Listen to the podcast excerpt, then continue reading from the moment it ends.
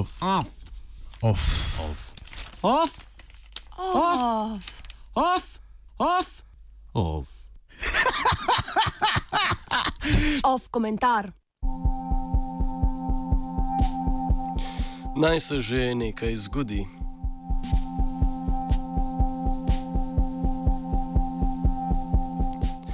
V petek so prvič zasedali poslanci državnega zbora, izvoljeni na predčasnih volitvah 3. junija.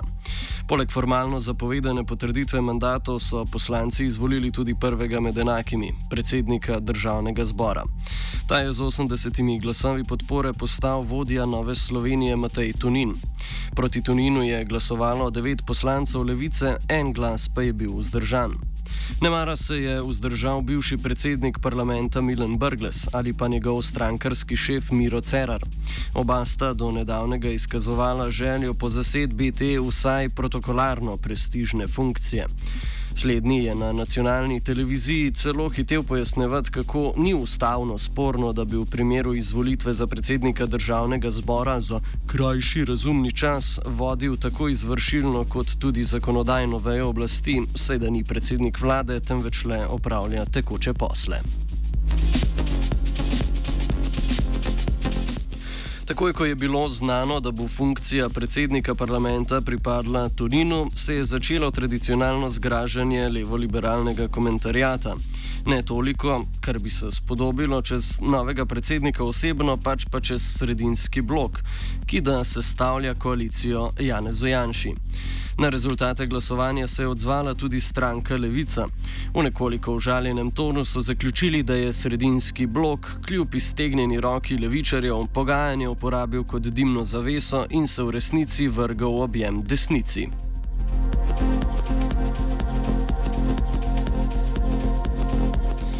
Na vzlic temu, da je Marjan Šarec potrdil, da se obrisi koalicije že vidijo ob tem glasovanju, pa je preuranjeno reči, da bodo novo koalicijo sestavljali sredinski blok socialni demokrati, Desus in Nova Slovenija.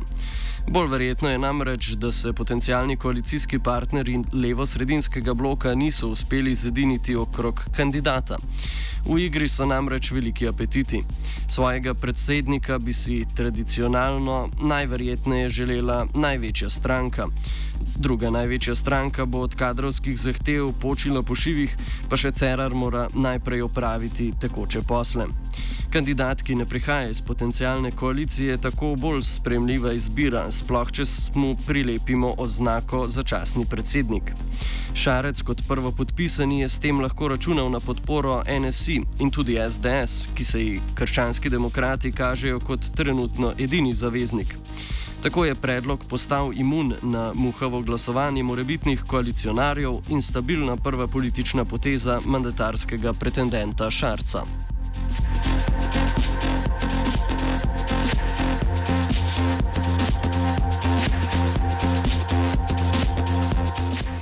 Afganka v novi koaliciji s tem še ni rešena.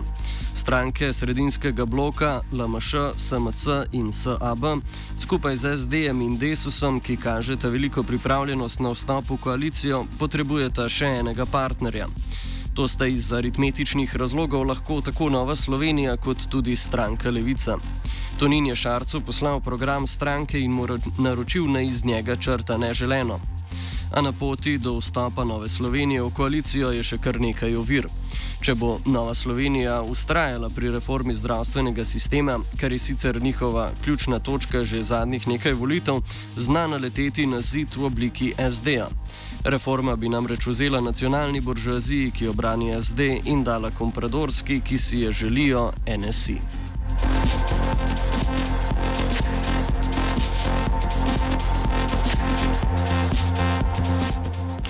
Levica bi tako celo lahko obveljala za manj spornega partnerja.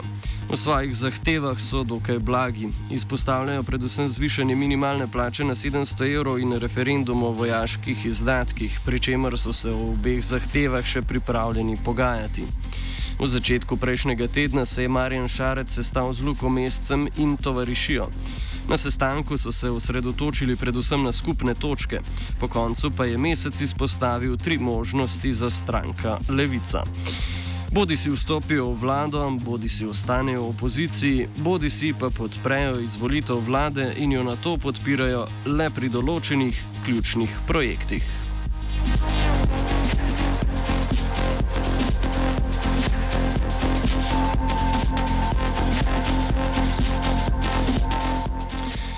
Zadnji scenarij je za stranko Levica verjetno še najboljši. Idejo lahko prodajo pod geslom načelni in državotvorni, kar pomeni, da poberajo zasluge za projekte, ki jih izpeljajo, obenem pa se izognejo odgovornosti za slabe morebitne poteze take vlade. To vrstne rešitev bi stranko Levica odrešila tudi kadrovske zagate. V svojih vrstah namreč težko najdejo kandidata za kakšen resnejši resor.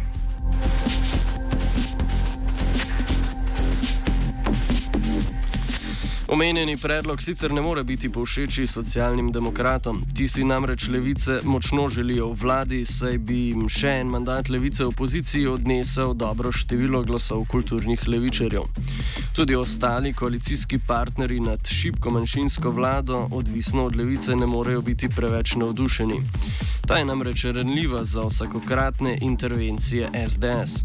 Pa vendar, če bo šlo res za nohte in bodo edina alternativa temu predčasne volitve, so komu iz leve sredine res v interesu? Kakorkoli, naj se že nekaj zgodi.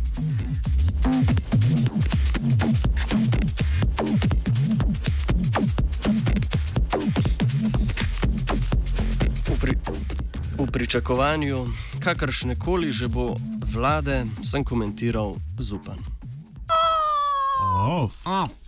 Off. Off. Off. Off. Off. Off. Off. Off komentar.